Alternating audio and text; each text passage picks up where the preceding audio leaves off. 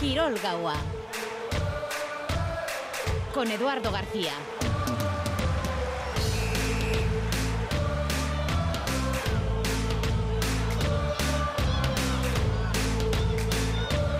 Siete minutos sobre las 10, Gabón. Bienvenidos y bienvenidas a la sintonía deportiva de Radio Euskadi, a esta edición de viernes de Quirol Gawa. Cerramos la semana con el habitual repaso enseguida a lo acontecido en el Mundial de Qatar. Lo último, último, el empate sin goles entre Inglaterra y Estados Unidos, en una jornada en la que Qatar, el país organizador, ha dicho ya adiós al torneo tras caer ante Senegal. Miraremos también al básquet y al frontón.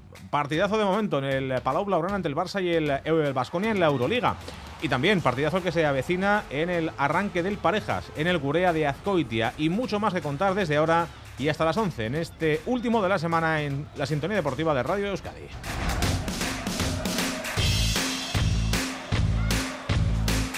La primera parada, de hecho, en esta presentación nos lleva hasta el partido del Palau Blaugrana. Partidazo y en el último cuarto entre Basconia y Barça. Barça y Basconia. Raúl Pando, Gabón, ¿qué tal? Gabón Edu ha llegado el partido absolutamente igualado al último cuarto. Puede ganar cualquiera. Marcador alto, prevalecen los ataques. Es el contexto en el cual el equipo de Peñarroya puede tener opciones frente a la Barcelona. Ha superado un momento delicado en el tercer cuarto, perdía por 8, pero ha logrado eh, remontar. Ahora mismo el, equipo 3 abajo a 5.48, 8-1-7-8 y otro dato a tener en cuenta. Howard está enchufado, 25 puntos, 4 triples para el norteamericano y esa es una baza absolutamente significativa con un marcador igualado ante un grande como el Barcelona. En el tiro libre está eh, Thompson, anota el primero, no, falla, todavía le quedará 1, 5-48 para el final del partido, 81 Barcelona, 78 Basconia. Y motores en el frontón Corea de Azcoitia, el partido inaugural del Parejas de Pelota. Partidazo porque debuta Joseba Azcurdia tras llevarse la chapela del 4 y medio junto a Martija, enfrente de Pello Echeverría y Rezusta. Miquel Eloa, Gabón, ¿qué tal?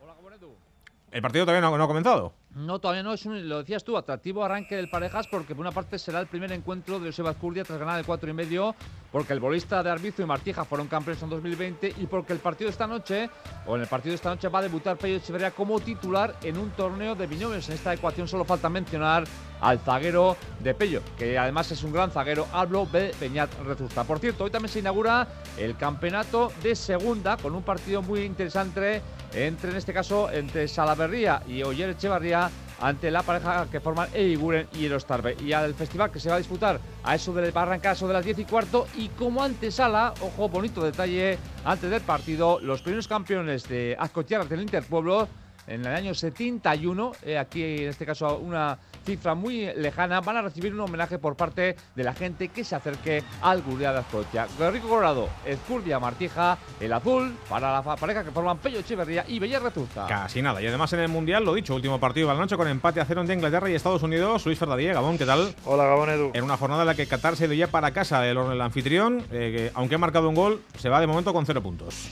Se va con cero puntos y bueno, por lo menos hoy, y sobre todo en la segunda parte, ha competido y ha estado cerca de meterle en problemas a Senegal, pero al final ha caído y se va fuera. En la jornada de hoy, eh, decepcionante Gales, que ha perdido con Irán y se mete, bueno, prácticamente se queda fuera de este mundial. Va, va, a tener que ganar su último partido y esperar muchas carambolas. Países Bajos, Ecuador, empate a uno, pero Ecuador ha estado mucho, más cerca y ha sido mucho mejor que, que, Países Bajos, que ha sido decepcionante en la tarde de hoy. Y acaba de terminar ese Inglaterra 0, Estados Unidos 0.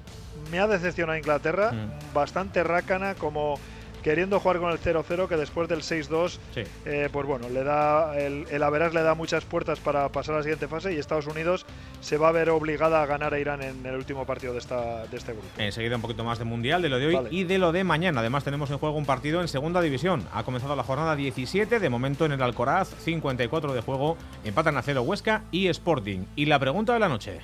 Confecop la Confederación de Cooperativas de Euskadi nos ofrece este espacio. Que nos lleva al parejas a ese partido inaugural. Enseguida va a comenzar perdón, el duelo entre Escuria y Martija y Pello Echeverría de Azusta. ¿Quién creéis que va a ganar este duelo? ¿Quién pensáis que puede llevarse el primero de los 14 partidos esta ronda previa en el eh, torneo de parejas? Os leemos en el WhatsApp en el 688-840-840 y en nuestra cuenta de Twitter, arroba Quirolgagua en nuestro WhatsApp y en, tanto en Twitter. Obviamente en juego las gorras de las Winter Series de Cesta, 688-840-840 en WhatsApp arroba Quirolgagua si nos escribís en Twitter. Si eres cooperativa o quieres emprender un nuevo proyecto, la Confederación de Cooperativas de Euskadi, Confecop, te acompaña y asesora en lo que necesites. Confecop agrupa ya a 1.300 empresas cooperativas. Acércate a conocer Confecop, 30 años comprometidos con Euskadi y con las personas.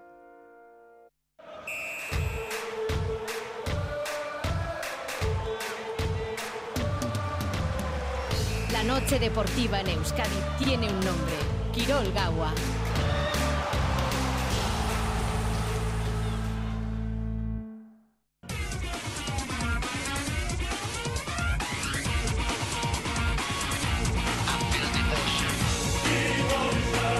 Con un, poquito más de pausa paramos en el partido del Palau. El Barça sigue por delante, 5 para el final. En todo caso, Raúl, es un eh, encuentro de máxima envergadura que están jugando hoy el conjunto de Sequevicios y un Basconia que siempre por detrás, pero siempre cerca, eh, todavía no se ha desenchufado del partido. 5-5 para, para el final y 5 bajo el Vasconia 8-9-7-4, 4-50 para la conclusión del eh, partido con triple que ha anotado Higgins para el Barcelona. El triple ahora que lo, lo ensaya Giedraitis, pero sigue sin estar acertado el, el lituano. La verdad es que no está al nivel de, de temporadas eh, precedentes, tiene problemas eh, eh, con, eh, con la anotación. Giedraitis se ha metido en el partido del Vasconia en este inicio del último cuarto. Ha llegado absolutamente igualado el partido porque el Barça se había ido por 8, como decíamos. Y ojo, porque hay un nuevo lanzamiento de 3 y nueva canasta para el Barcelona. Otra vez Higgins repite desde más allá de los 6.75, dos triples consecutivos del Barcelona que han puesto 8 arriba al equipo de Saras eh, Jaskevicius. Máxima renta otra vez del, eh, del partido. Otro momento delicado para el Vasconia con este último lanzamiento de 3 convertido por eh, Higgins. Tiene que parar el partido. Joan Peñarroya, tiempo muerto solicitado por el técnico catalán del Vasconia, 4.27 para la conclusión del partido. Dos triples eh, consecutivos de Higgins, eh, 12 puntos para él que han eh, llevado al, tiempo muerto y han eh, vuelto a colocar en una situación delicadísima al Vasconia ya en el tramo final del partido. 87 Barcelona, 79 Vasconia, 4.27 para el final. Una noche en la que Mónaco le ha ganado 80-79 al Bayern por un punto, en el que Panathinaikos se ha impuesto al Asbel 7-7-5-8 y en el que tenemos todavía en juego el Virtus 69, Efes 77 y el Valencia Basket 61, Zalgiris 59, todos ellos en el último cuarto, al igual que el partido del Palau. Enseguida contamos el final, 10 y 14 minutos, hora de mirar al Mundial de Qatar.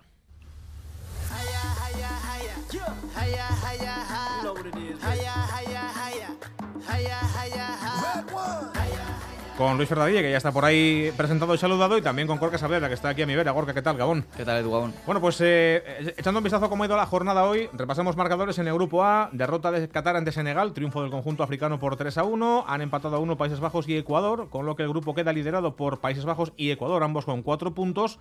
Senegal tiene 3 y Qatar ya está fuera porque no tiene ninguno. En el grupo B, Irán le ha ganado 2-0 a Gales, aunque los goles han llegado muy tarde, ha ganado el conjunto iraní. Acaban de empatar Inglaterra y Estados Unidos sin goles a cero. Mandan los ingleses con 4 puntos, Irán tiene 3, Estados Unidos 2 y Gales cierra con 1 y está prácticamente fuera del torneo. Lo tiene muy complicado para, para continuar. Eh, empezando por lo último, Luis Fergorca, por ese Inglaterra-Estados Unidos, tú ya habías avisado, Luis Fer, del potencial de los norteamericanos y yo creo que se ha visto, han hecho un muy buen partido. Ante una Inglaterra que eh, también estoy de acuerdo contigo, posiblemente haya especulado bastante, ¿no? Eh, ha Mucho. jugado más a no perder que a que intentar ganar y pasar. Mucho, mucho, porque veíamos era el minuto 80 y tenía una falta a favor y perdía tiempo, iba andando.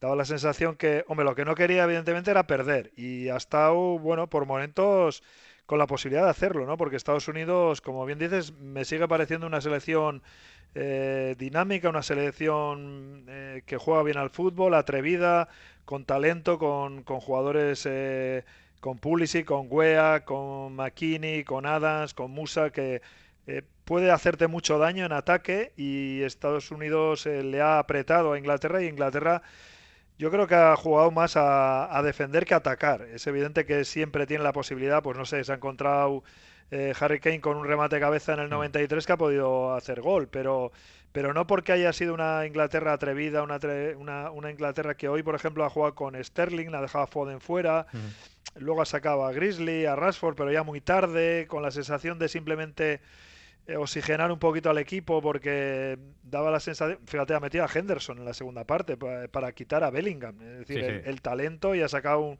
un jugador para armar medio campo tácticamente. Y sí, Inglaterra lo que no quería hoy evidentemente era perder y a mí me ha decepcionado esa, digamos, poca ambición de los ingleses, ¿no? Y enfrente de Estados Unidos que iba más obligada a, intentar ganar porque, claro, se la tiene que jugar en el último partido contra, contra Irán y Irán ha demostrado hoy que no es la Irán que perdió 6-2 frente a Inglaterra, es una Irán que a Gales le ha, le ha, sacado los colores, literal, le ha sacado los colores. del Qatar-Senegal poco que contar, los cataríes han vuelto a demostrar que son la selección posiblemente más floja del campeonato y han caído ante los africanos. Se quedan ya fuera. Eso sí, ¿eh? han marcado su primer gol en el Mundial, pero no les ha valido para nada. Y eh, como comentábamos en titulares, Gorka, en el Países Bajos Ecuador han empatado a uno, pero los ecuatorianos han merecido mucho más premio que se han llevado. Sí, eh, segundo partido de la fase de grupos para Países Bajos y segundo partido en el que ha conseguido puntos. En el primero ganó a Senegal y de aquella manera ganó 0 a 2, pero por dos errores de, dos errores de, de, en portería, por eso eso hizo que se desatascase el partido. Y en el día de hoy también me ha rascado un puntito porque Ecuador ha sido superior en juego, en, prácticamente en juego y también en, ocasiones, y además ha tenido ese gol anulado, para mí, en opinión personal, mal, mal anulado, ese típico fuera de juego posicional, en el que en cualquier caso yo creo que el guardameta ya se había estirado y el eh, delantero de, Ecuador no, no, molestaba al portero en, la trayectoria.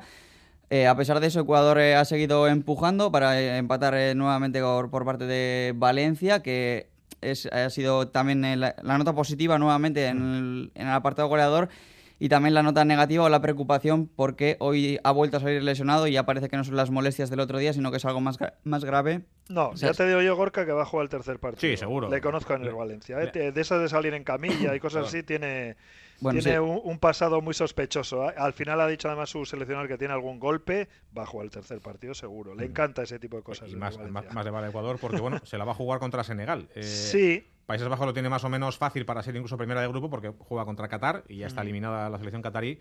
Y en el Ecuador-Senegal, a los ecuatorianos empatando les vale para pasar y Senegal pues tiene que ganar, si no lo tiene complicado.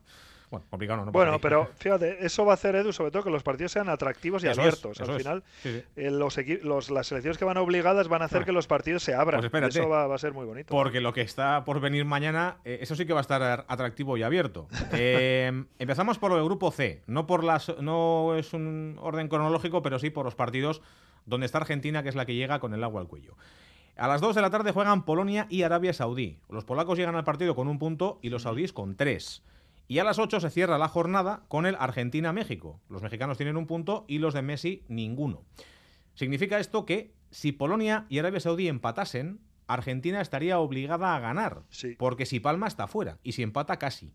Así que fíjate tú cuál es el horizonte, Luis Fer, para la selección albiceleste que mm, llega, eso, obligadísima con el agua al cuello, pero sabedora de que a lo mejor, para cuando empiece su partido, no puede fallar ante México, que ojo, no es una broma de selección tampoco. Hombre, también es cierto que Polonia yo creo que va obligada también casi a ganar a Arabia Saudí. El empate, vale, le puede dejar viva, pero claro, se la tiene que jugar con Argentina en la última jornada, ¿no? Entonces, yo creo que los polacos van a hacer que el partido frente a Arabia sea un partido también abierto y, y por lo menos creo que no pueden guardar sus espaldas como ha hecho hoy Inglaterra para ir a empatar, ¿no? Entonces el partido ya de de, las 2 de la tarde va a ser atractivo, porque quizás Arabia Saudí sí que se puede permitir, entre comillas, el lujo, por decirlo de una forma, de poder empatar ese partido y tener muchas posibilidades en la última jornada, pero a Polonia no.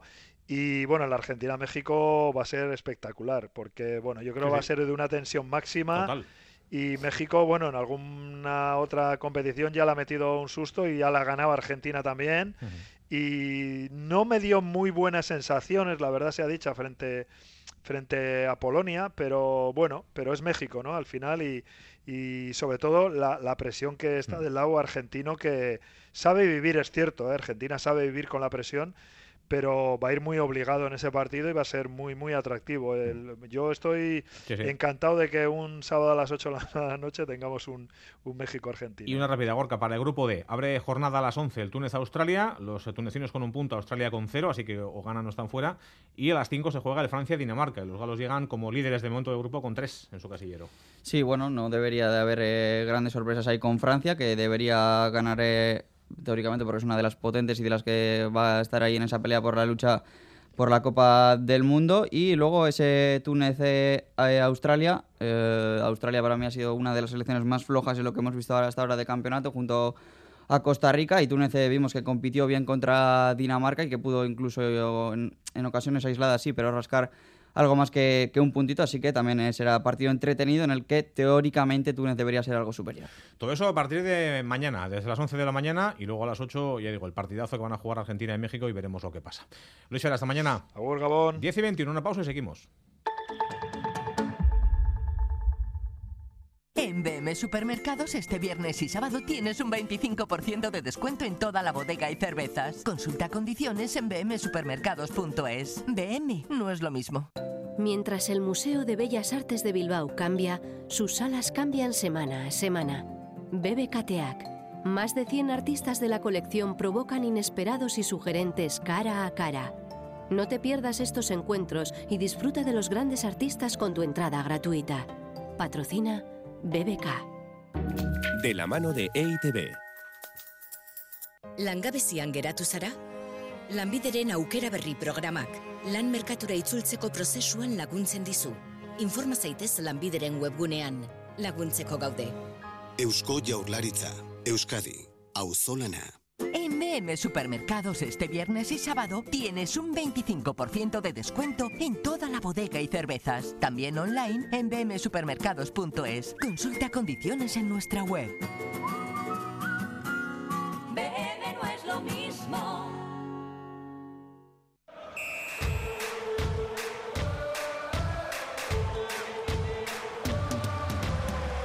La noche deportiva en Euskadi tiene un nombre. Quirol Gawa.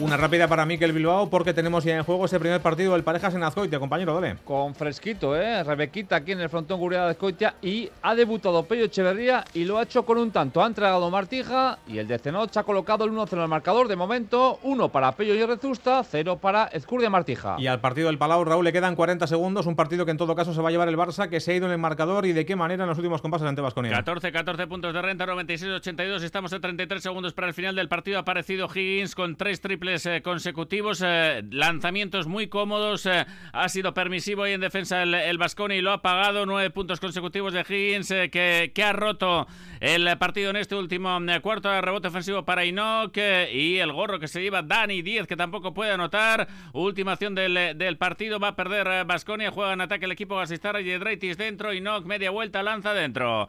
Canasta de, de Inok que había salido en el quinteto titular en la vuelta a la competición para el jugador norteamericano del Vasconia después de siete semanas alejado de las eh, canchas, que ha jugado muy poquito y que, que, acaba de anotar la última, la última canasta de este partido. No, no mira la canasta, no mira el aro el, el Barcelona, deja correr el reloj final. 96-84.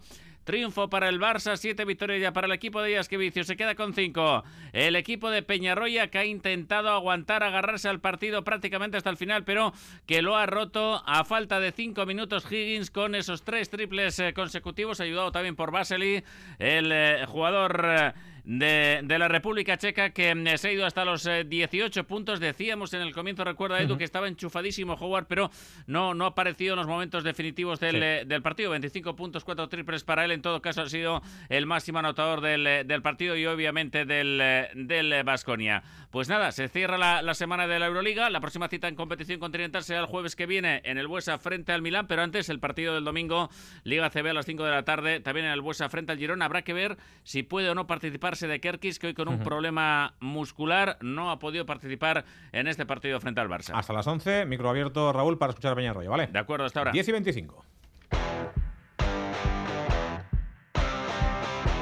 Tiempo de echar un rápido vistazo de la mano de Gorka Saavedra a la jornada futbolística de este próximo fin de semana. Bueno, de mañana y el domingo, porque mañana tenemos ya partido, partidazo además en Mendizorroza en la jornada 17 de segunda división para el líder, para el Deportivo La Gorka. Eso es, sábado 4 y cuarto, visita Mendizorroza el Villarreal B en el primero de los cinco partidos de liga que tiene el conjunto Gastizarra antes eh, de fin de año. Llegarán en esa serie de partidos el Levante, el Granada, el Tenerife y el Málaga, pero Luis García Plaza tiene marcado en rojo el partido contra el filial del submarino amarillo.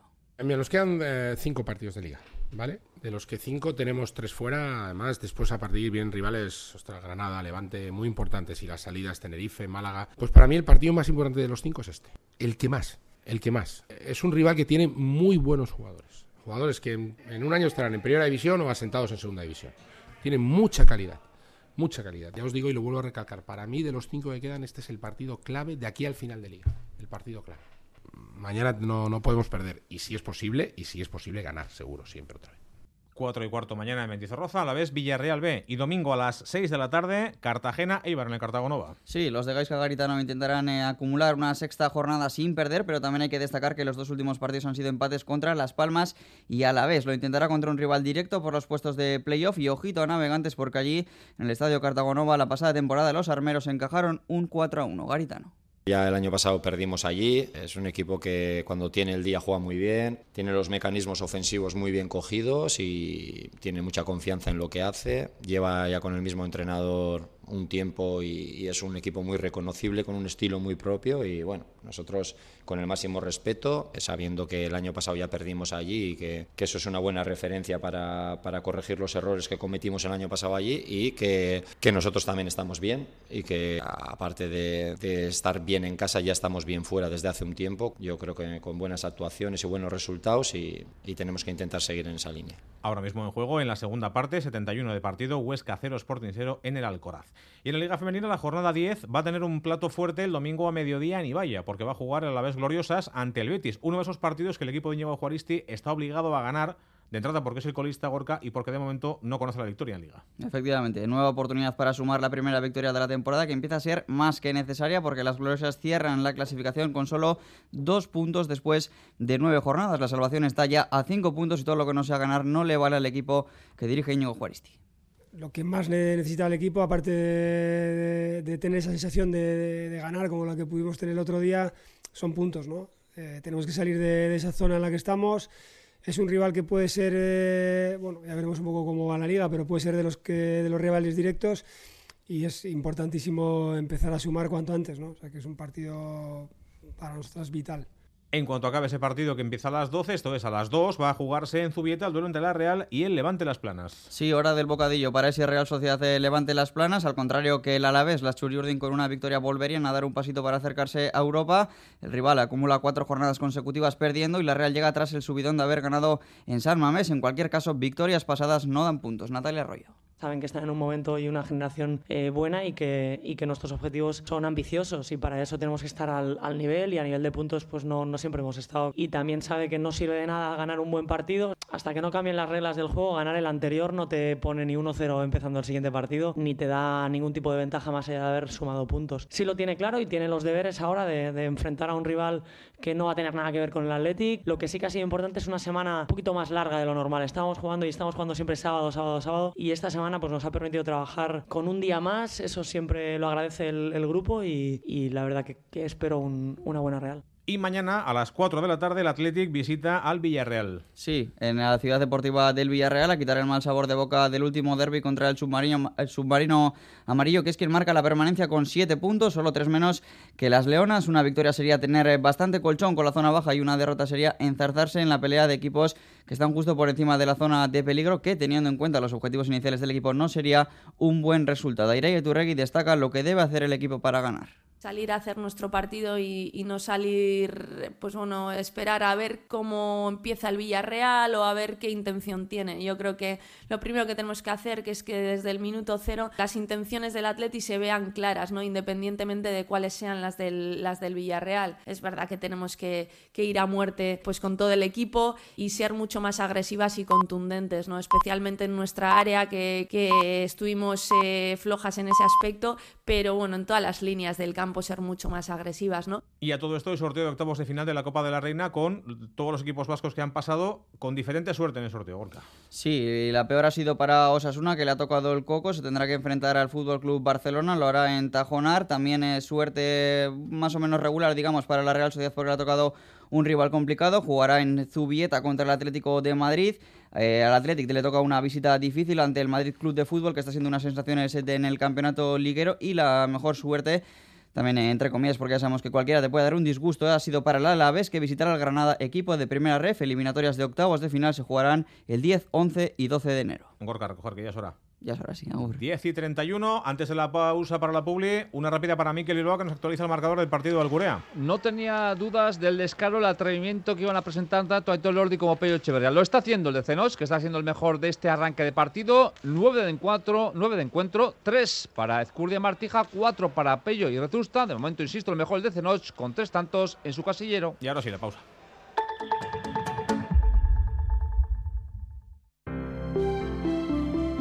Buenas noches. El número premiado en el sorteo del cuponazo celebrado hoy ha sido 58.758 58758, serie 25. Puedes consultar el resto de los números premiados en juegos11.es. Mañana tienes una nueva oportunidad con el sueldazo del fin de semana. Y ya sabes, a todos los que jugáis a la 11, bien jugado.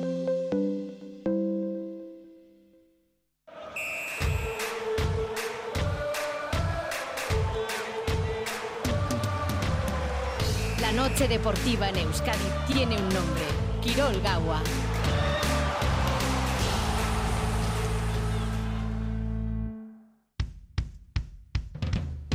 Diez y 32, hora de saludar enseguida en Quirolgawa a todo un subcampeón del mundo. En su primera gran cita internacional en la élite, Andoni Cintado, taekwondoka de Ceberio, ha conseguido ser subcampeón en su categoría de menos de 80 kilos. Hizo un torneo prácticamente inmaculado en Guadalajara, en México, y solo en la final y ante un crack como el coreano Park Woo acabó cayendo. Pero en todo caso ha conseguido un éxito a sus 23 años prácticamente pues eh, impensable cuando se plantó allí en México para competir.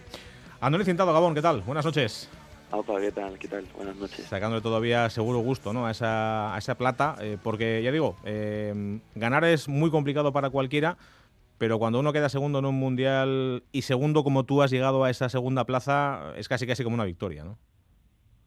Hombre, para mí, para mí lo es. O sea, sí que es cierto que hubo un pequeño contraste ahí en el que, bueno, ya lo he comentado en otras ocasiones, que, a ver, yo entraba de cabeza de serie número 15. Era mi primer mu- campeonato del mundo, mi primer mundial. Claro que yo sabía que podía hacer eh, grandes cosas, podía rozar las medallas perfectamente, pero no era mi obsesión, digamos. O sea, yo iba con un planteamiento de ir pasando combates poco a poco, disfrutar de, de- de esa experiencia que, y de ese premio que ya era para mí llegar a un campeonato del mundo. O sea, ir al campeonato del mundo es un premio de la leche y eso tiene que tener conciencia todo el mundo porque están ahí los mejores. Yo llevo cuatro años quedando campeón de España absoluto sin ir a ni un mundial ni un europeo y este era mi primer año y yo, mi objetivo era disfrutarlo. ¿Qué pasa? Que ya cuando sale esto y consigues esto, pues lo que te sale es de pensar todo el rato, joder, la que acabo de liar, la que acabo de liar. Pero a lo que me refería de contraste es que eso que al principio dices, no me lo creo y tengo un poco el síndrome del impostor, al de dos días está rayado ya porque a ver si podía haber conseguido el oro. O sea, el, el- la actitud de ir a mente del deportista es muy traicionera en ese sentido. Está claro que al final uno siempre aspira a lo máximo y cuando está tan cerca de conseguirlo, aunque no fuera un objetivo eh, y aunque ya estar en el campeonato fuera una ilusión, te queda la- la- la- ese, ese regusto de decir, ostras, es que me ha faltado muy poquito para, para poder ganar. Lo que es cierto es que hasta el último combate eh, el campeonato para ti, Andoni, fue perfecto. Es decir, tu, trayectoria fue no solo por, ir pasando rondas, sino por cómo las pasaste, a lo mejor por esa, entre comillas, falta de presión, ¿no? Más que la que tú te querías meter en cada combate para, superar a tu rival. El hecho de ir sin esa presión, a lo mejor es lo que te permitió llegar tan lejos. En el campeonato.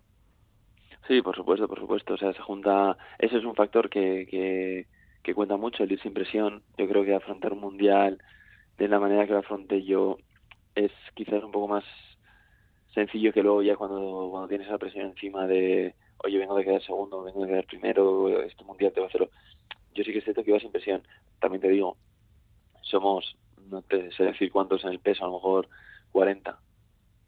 La mayoría van sin presión. Estar ahí y afrontar con esa dureza rivales así también es complicado porque muchas veces el problema de ir sin presión es como que como ya todo el mundo da por hecho que vas a perder no te importa tampo- tanto perder.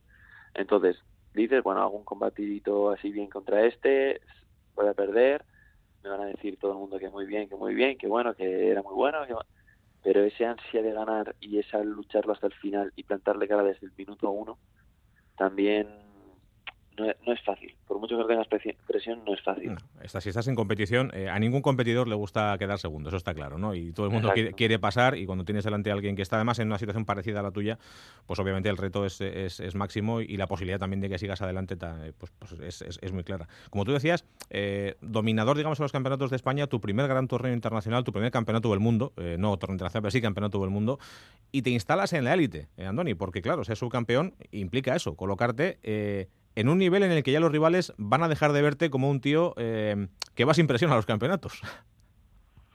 Claro, no, y, y ya y ya no solo eso, o sea, yo ahora mismo el otro día cogí mi, mi Instagram y veía pues publicaciones anteriores y claro, muchas veces la gente y pues los oyentes de este mismo programa saben de nosotros cuando cuando ganamos, ¿sabes? Pero no quizás no tenemos tanta repercusión cuando perdemos. Y, y claro, mucha gente también, primer campeonato de Europa, que fue en, en, en mayo. Yo voy y en el primer combate a la calle. Un, co- un campeonato de Europa que encima que la, la selección nacional sacó unos resultados increíblemente buenos. Y yo primer combate a la calle. Y ahí es con ahí es lo más difícil quizás de gestionar de asimilar de mantener la calma y decir oye tranquilo que todo llega. Sigue trabajando igual. No cuando pierdes has hecho todo mal y ahora cuando ganas estamos haciendo todo genial. No. Sigue trabajando que estamos trabajando bien que has perdido aquí pero sí y mira pues seis meses después o siete meses después viene este premio gordo que que la verdad que sí o sea yo soy de los que dicen que el resultado no lo es todo pero sí que cierto que un resultado así te cambia en muchos en muchos aspectos la vida no la mentalidad pero sí la vida Está claro, ¿no? que te, te mete en otra, en otra dimensión, digamos, en otro grupo, en, otro, en, en otra línea de, de- de actuación seguro a partir de ahora, eh, porque ahora ya hay algo muy gordo que, que defender y, so- y obviamente muchas más cosas a las que, a las que aspirar. Eh, a veces las victorias o las derrotas se, di- se dirimen o se deciden por detalles muy pequeños y la línea entre lo que se considera un éxito cuando ganas o, o el fracaso absoluto cuando pierdes está, pues eso, en, una, en un gesto eh, técnico que a lo mejor se te escapa o que en el que tu rival está más, más acertado. Eh, es evidente que eh, estamos en un, yo creo que ya metidos de lleno, y tú seguro, en, en ciclo olímpico. Eh, primer campeonato del mundo, llegas medalla de plata en tu categoría. De aquí a un par de años tenemos cita en París, en el 24. Tú vas a llegar con 25 años, digamos, en plenitud deportiva, siendo todavía un chaval, como eres ahora. Entiendo que más allá de lo que pueda pasar en el 23, eh, hay una esa fecha del 24, esos Juegos de, de París, los tienes, Andoni, eh, igual en un póster en la habitación fijados, ¿no? Como aquí tengo que estar, aquí tengo que estar, aquí tengo que estar. Pues la verdad es que es que no, o sea, realmente no porque mira, yo antes de, de este resultado estaba bastante, bastante, bastante, bastante fuera de, de esos juegos, porque la clasificación, bueno, hay que entender una cosa que, que a veces nos confundimos en los Juegos Olímpicos no están los mejores, o sea, eso hay que tener claro porque en los Juegos Olímpicos exigen que haya una participación eh, multicontinental eh, de distintos continentes con eh, invitados del país anfitrión, et- etcétera, y encima en taekwondo normalmente nosotros somos 16 pesos, se acortan a 8, 4 de chicos y 4 de chicas, entonces no siempre están los mejores. Eh, en este caso clasifican por ranking, eh, por, por ranking clasifican solamente 6, los otros clasifican por por un preolímpico, que se llama un campeonato clasificatorio continental, hay un preolímpico en, en Europa, otro en, en América, otro en Oceanía, pero claro, si, si tu país ya ha clasificado a dos por ranking, tú no puedes ir Estás al preolímpico, sí, sí. aunque sea otro peso. Eso es. ¿Qué pasa? Que en mi peso, por ejemplo, se junta 74 y 80. Y en 74 está mi compañero Daniel Quesada, que acaba de quedar campeón del mundo. Entonces, ahí estamos los dos, que bueno, quien tenga mejor 2000, 2023, me imagino que irá a los Juegos. De momento, él lleva muchos más años en esto y, y una trayectoria mucho más larga. Yo no tengo prisa. Esto sí que es cierto que me ha pegado un subidón, pero poco a poco. O sea, sí que es cierto que, tal y como lo hice en el campeonato, lo estoy haciendo con este ciclo. Ir combate a combate, ir campeonato a campeonato. No, no, yo cuando ganaba, por ejemplo, el primer combate, o el segundo combate o cuartos, no lo hacía como, bien, ya estamos en semis. Es como, joder, qué bien. Acabo de ganar este combate Qué, bi- qué bien que he pasado, ¿no? Eso es. he pasado este combate, lo he hecho bien, me he visto bien, venga, tranquilo, a por lo que venga. Que lo que venga bien, bien, pero no me preocupa ni, ni con quién me toca, ni venga, si gano este, me- la siguiente ya aseguro medalla, y- no. Y con esto un poco, un poco igual, ahora estoy pues con un, o sea, soy subcampeón del mundo que, que ya firmaba yo, eso es un sueño desde que yo era pequeñito y quiero disfrutar un poco de esto sin esa presión de estos, este subcampeonato del mundo me da 80 puntos en el ranking olímpico, que eso ya me posiciona en el número 7. Eso ya vendrá poco a poco lo que venga, sin obsesionarse, porque sí que es cierto que esas obsesiones muchas veces pueden, pueden dañarte la cabeza y presionarte de más. Sí, además eh, puede despistar un poco el foco de, de lo que puede pasar en el 23, pensar en el 24. Primero un año, luego el Claro, siguiente, claro. y ya veremos lo que llega. Eh, da gusto Hay que entender, eh, eh, per- perdón, Sí, eh, sí. pero hay que entender que yo en esto soy un, un, un jovencillo, un novato, o sea, no en el mundo del taekwondo, pero sí en el, en el gran, gran alto nivel En internacional. la élite, digamos, sí. En la, en la élite a nivel nacional y a nivel internacional en categorías inferiores, sí. Pero en esta élite absoluta, Claro, claro. no, porque, por ejemplo, los campeonatos más importantes del año, salvo el Mundial, son los Grand Prixes. Yo no ido a ninguno, porque en peso en España iba otro chico. Lo que pasa es que esto ha sido un petardazo. Esto ha sido un petardazo de colarse en el Mundial y quedar subcampeón del mundo, que realmente la gente, ni, ni yo en ese momento se lo esperaba. Yo sabía que era perfectamente capaz, pero no se lo esperaba. Entonces, ahora, me- por eso el- lo que te decía anteriormente, que sí que va a cambiar mucho la vida y la carrera deportiva. Es a veces eh, una gozada. eh, este oficio da la posibilidad de charlar con gente como, como Andoni Cintado, que además de ser un crack en lo suyo, en el taekwondo, pues tiene un discurso como este tan sereno, tan reposado y tan agradable para explicar las cosas eh, con claridad. Alguien, insistimos, que viene a ser su campeón del mundo y que no se obsesiona con lo que pueda venir y que está disfrutando todavía, evidentemente, de lo logrado en, México. Andoni, ha sido un placer charlar contigo esta noche. No va a ser la última, te lo avisamos ya desde ahora, porque vamos a seguirte muy de cerca en lo que te queda. Ojalá podamos hablar contigo de aquí a no mucho, porque quedan dos añitos cuando estés en París, en el 24, y no como turista, sino como, como- como competidor. Pero de entrada, eh, por esta noche, muchísimas gracias por atendernos a llamado. Un abrazo. Nada, muchísimas gracias a, a vosotros por dar visibilidad también un poco a este resultado que, que a veces no, bueno, a este resultado y a este deporte en general que a veces no la tiene, no tiene lo que se merece. Pero nada, muchísimas gracias, ha sido un placer y eso, espero que nos veamos pronto. En BM Supermercados este viernes y sábado tienes un 25% de descuento en toda la bodega y cervezas. Consulta condiciones en bmsupermercados.es. BM no es lo mismo. Azken hamarkadan amabost emakume hil dituzte gizonek Bizkaian. Matxismoak beren bizitzaren gaineko eskubidea dutela sinestarazten die, baita hiltzeko ere. Egin dezagun hau izan dadila azken azaroako geita bosta, gehiagorik ez. Emakumeenganako indarkeriaren aurkako nazioarteko eguna. Bizkaiko foru aldundia, Bizkaia egiten.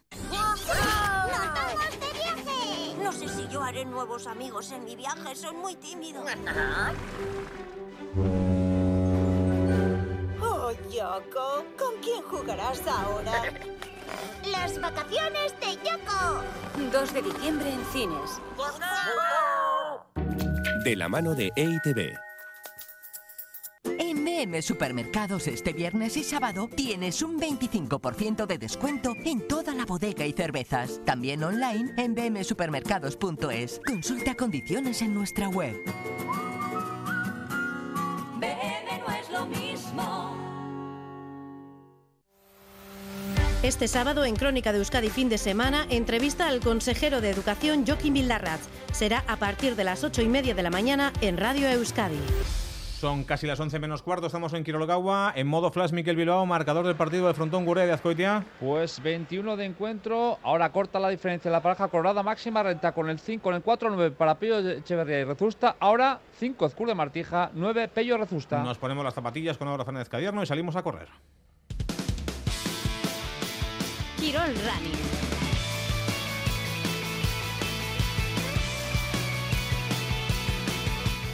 Gabón, compañeros, en Gabón, Corri Casales.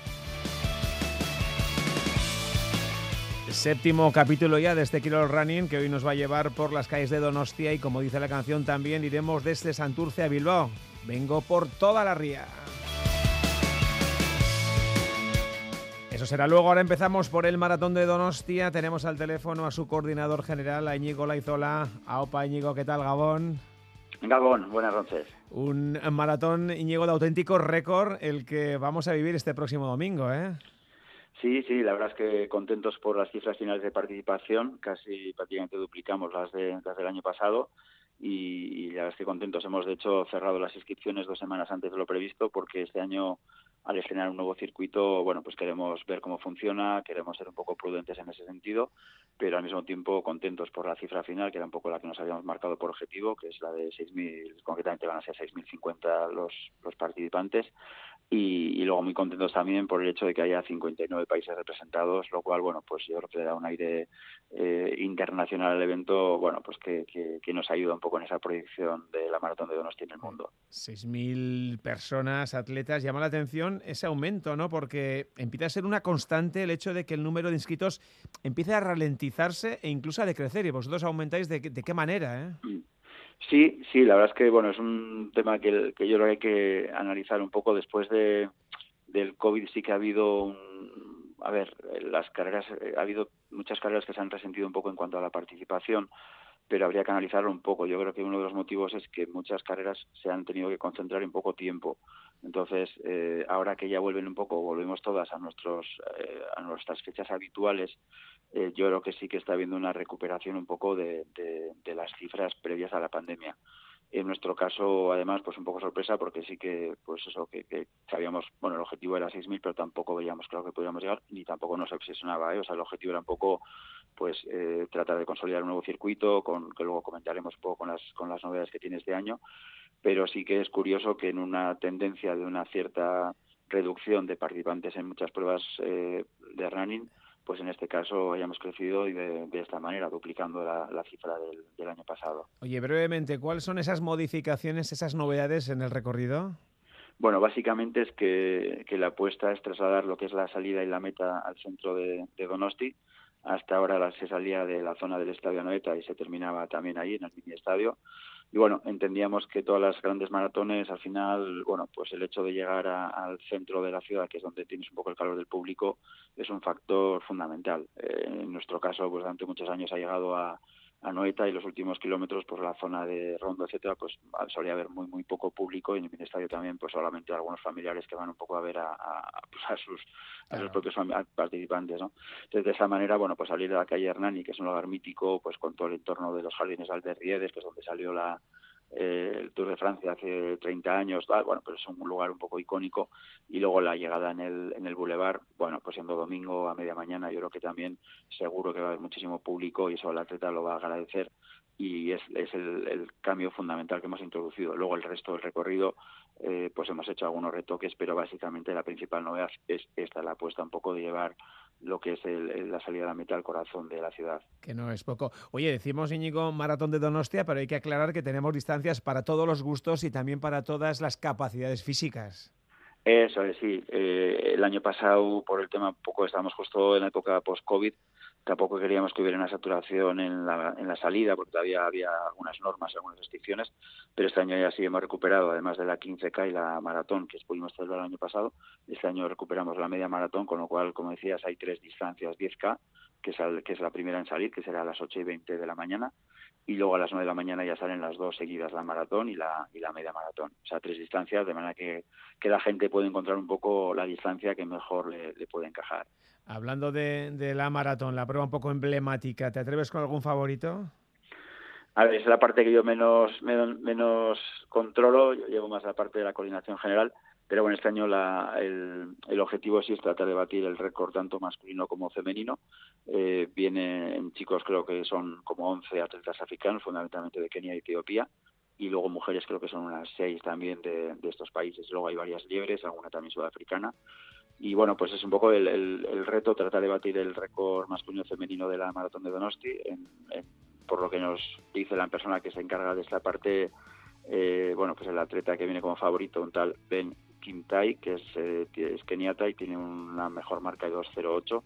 Entonces, bueno, en principio parte con esa intención de batir el récord, que si no me equivoco está en 2.09 de la maratón de Donosti. Y luego en chicas apuestas una, una chica de Etiopía, una tal Gulen Toles, eh, que tiene una mejor marca de 2.23 y bueno, pues también intención de batir la, el récord que es de la española Ana Isabel Alonso con 2.24 desde hace bastantes años. Sí. Entonces bueno, esa es un poco la ilusión que tenemos y, y bueno, luego ya sabes que depende mucho pues de, de muchos factores, del clima, del viento, de las liebres, un poco de todo. Pero bueno, por lo menos esa es la, la ilusión por parte de nuestra organización. Bueno, hay que decir también que se va a aprovechar para dilucidar los campeones de Guipúzcoa de la especialidad. Eh, Íñigo Laizola, Maratón de Donostia, Esquerri Casco. Bueno, sube, mi Esquer. Cambiamos de escenario. Oscar Álvarez es el director del Club Atletismo Santurchi, organizador de la carrera internacional desde Santurce a Bilbao. Oscar, Gabón, Suriere. Gabón, Álvaro. Bueno, ¿qué tal estamos? Imagino que, igual que decía Íñigo, con un montón de curro a dos días para que se dé el pistoletazo a la carrera número 34 de esta Santurce a Bilbao, ¿no? Me imagino que mucho trabajo. Pues a tope, rodeados de gente, rodeados de trabajo pero con la ilusión de, todos los años, de que salga para adelante la carrera sin ningún contratiempo. Por cierto, y a diferencia de otras pruebas, Oscar, los más rezagados aún están a tiempo de inscribirse y tomar parte en esta carrera. No suele ser habitual. Eh, los más rezagados están a punto de, acabarse los dorsales, están a puntito. Eh, nos quedan como 40 o 50 dorsales para votar la, inscripción.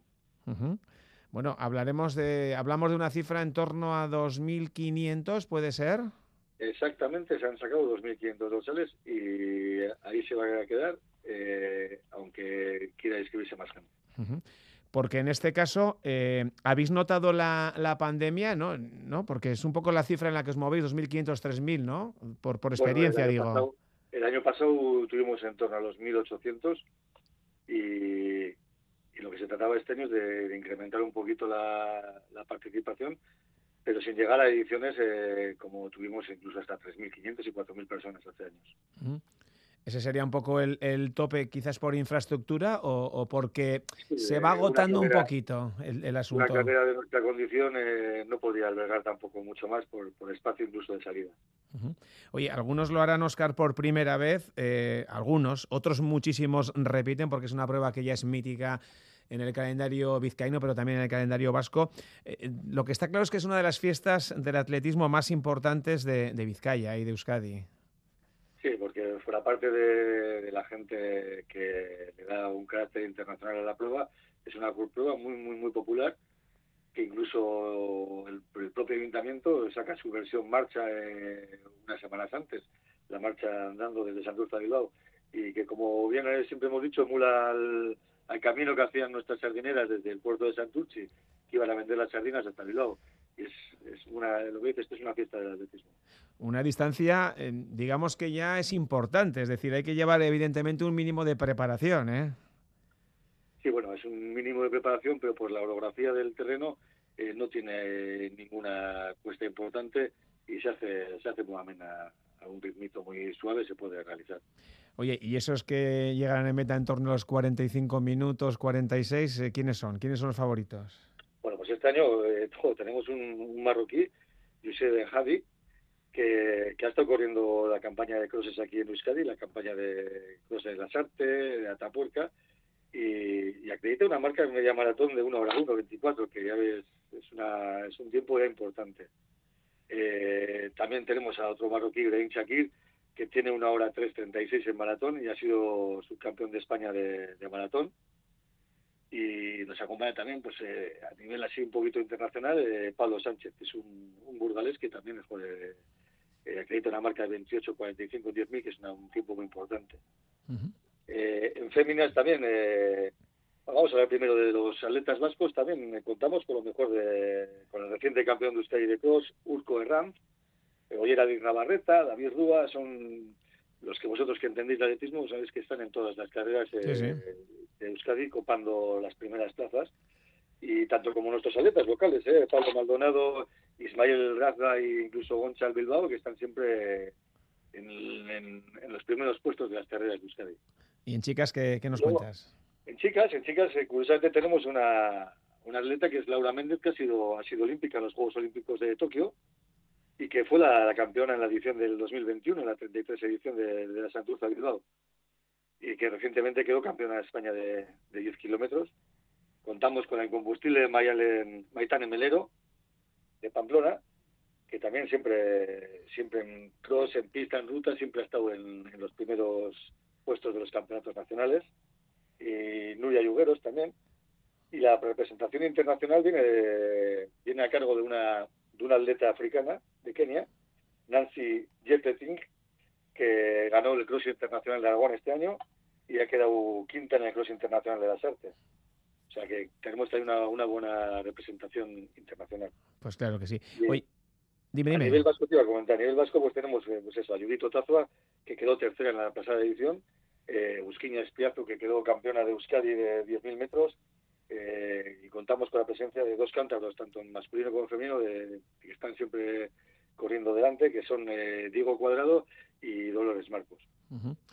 Bueno, la última, Oscar, una prueba que sale de Santurchi, pasa por Portus, Estado Baracaldo, termina en Bilbao junto a la Ría, junto al Ayuntamiento. Recuérdanos el horario de salida y el previsible de salida. llegada, digo porque la gente evidentemente eh, quiere saber cuándo pasan para animar. Es a las 11 de la mañana, a las 11 de la mañana salimos del Polideportivo Miquel Trueba de Santucci en el Paseo Reina Victoria y, que hemos comentado, atravesamos los municipios de Portugalete, Estado Baracaldo y entramos por Zorroza a la altura de la ría y ya nos acercamos hasta Bilbao. Bueno, pues además con buen tiempo, Oscar Martín, Club Atletismo Santurchi, no te envidio el curro de estos días, pero sí la satisfacción que seguro vas a tener cuando concluya la prueba. Un abrazo, amigo. Un abrazo, Lorenzo. Santurce Bilbao, Maratón de Donostia, pero ahí no se termina el universo atlético este fin de semana. A saber, mañana en Artajona, en Navarra, tenemos el Cross de San Saturnino. Ojo, porque es la edición ya número 30. También mañana, pero por la tarde, se celebra la carrera popular Ascoitico Raca a partir de las eh, cuatro y media. Vamos con el domingo. En Sodupe, Vizcaya, tenemos la carrera y también marcha Isar Locac 25N. Son 5 kilómetros. El domingo también la carrera de Obanos contra la violencia de género. Y en Bayona, a 10 de la mañana, se corre el domingo la Fule de Pactas eh, con 10 kilómetros eh, de distancia. Para cerrar con el Caniqueros de Muskis, el primer Muskis Cochakur Trail Starketa puntuable para la Euskadi Cochakur Cross Liga y en el que estará un servidor con mi precioso Border Collie Kai. Hecho el repaso y como os digo siempre, ataos bien las zapatillas que yo ya lo hago y a correr. Saludo para Álvaro y para Kai, para su Border Collie. En dos minutos tenemos tiempo de sobra para escuchar a Raúl Pando a Joan Peñarroya tras la derrota de Vasconia ante el Barça en el Palau. Sí, al final ha ganado por 14 la Barcelona, pero con 81-79 quedaban menos de 5 minutos. Ha llegado el primero de los tres triples de Higgins. A esa jugada, con dos segundos de posesión para el Barça, se refería Peñarroya. Estábamos dos abajo, dos segundos, haciendo una buena defensa. Y ese triple que lo habíamos dibujado en el minuto eh, nos ha hecho daño porque, porque lo teníamos. ¿no? Y después una sobreayuda también nos cuesta otro, otro triple en la siguiente jugada. Y, y bueno, y a partir de ahí, pues eh, evidentemente el talento de, de Barcelona ahí está. Creo que el equipo ha dado la cara. Si bien es cierto, nos han faltado cuatro minutitos. Le ha faltado cuatro minutos al Vasconia. La próxima cita frente al Girona en ACB el próximo domingo. Raúl, gracias. Ha acabado la jornada en segunda división con el Huesca 0 Sporting 0 y la última para Mikel Bilbao en el frontón Gurea de Azcoitia. Se renueva el partido después del primer descanso en un encuentro compañero que está ahora no con abrazo pero casi. Con mucha emoción, 36 de encuentro, reacciona el campeón del acotado, perdían eh, Escuria Martija 5 a 10, parcial de 7 a 1 para Colorados y ahora dejamos en el partido, después del primer descanso largo, 12, Ezcurdia Martija, en 11 se quedan de momento Pello Echeverría y Beñar Rezuste. Gracias, Miquel. Después de este partido, el Parejas de promoción que también arranca, Eguren y Contra Salaverría y Oyer Echevarría. Mañana sigue el Parejas y mañana, recuerden, en Galdacao, en el frontón Curchea, el partido de despedida del Arumbe, que junto al Ezcano jugará ante Artola y Esquiroz. Esto fue lo que hay que contar en esta noche de viernes. Son prácticamente las 11. Enseguida las noticias en Radio Euskadi. Tened un buen fin de semana y por mi parte ya nos encontramos cuando cambie el calendario. A partir del lunes, Diego Barrostegui y Emilio Pascual se hacen cargo de este Quirol Gawa. Yo volveré ya en enero del 23. Así que nada, pasadlo bien en las fiestas que todavía están por llegar, queda un tiempito, pero aprovechad que este año está a punto de acabar. Gabón.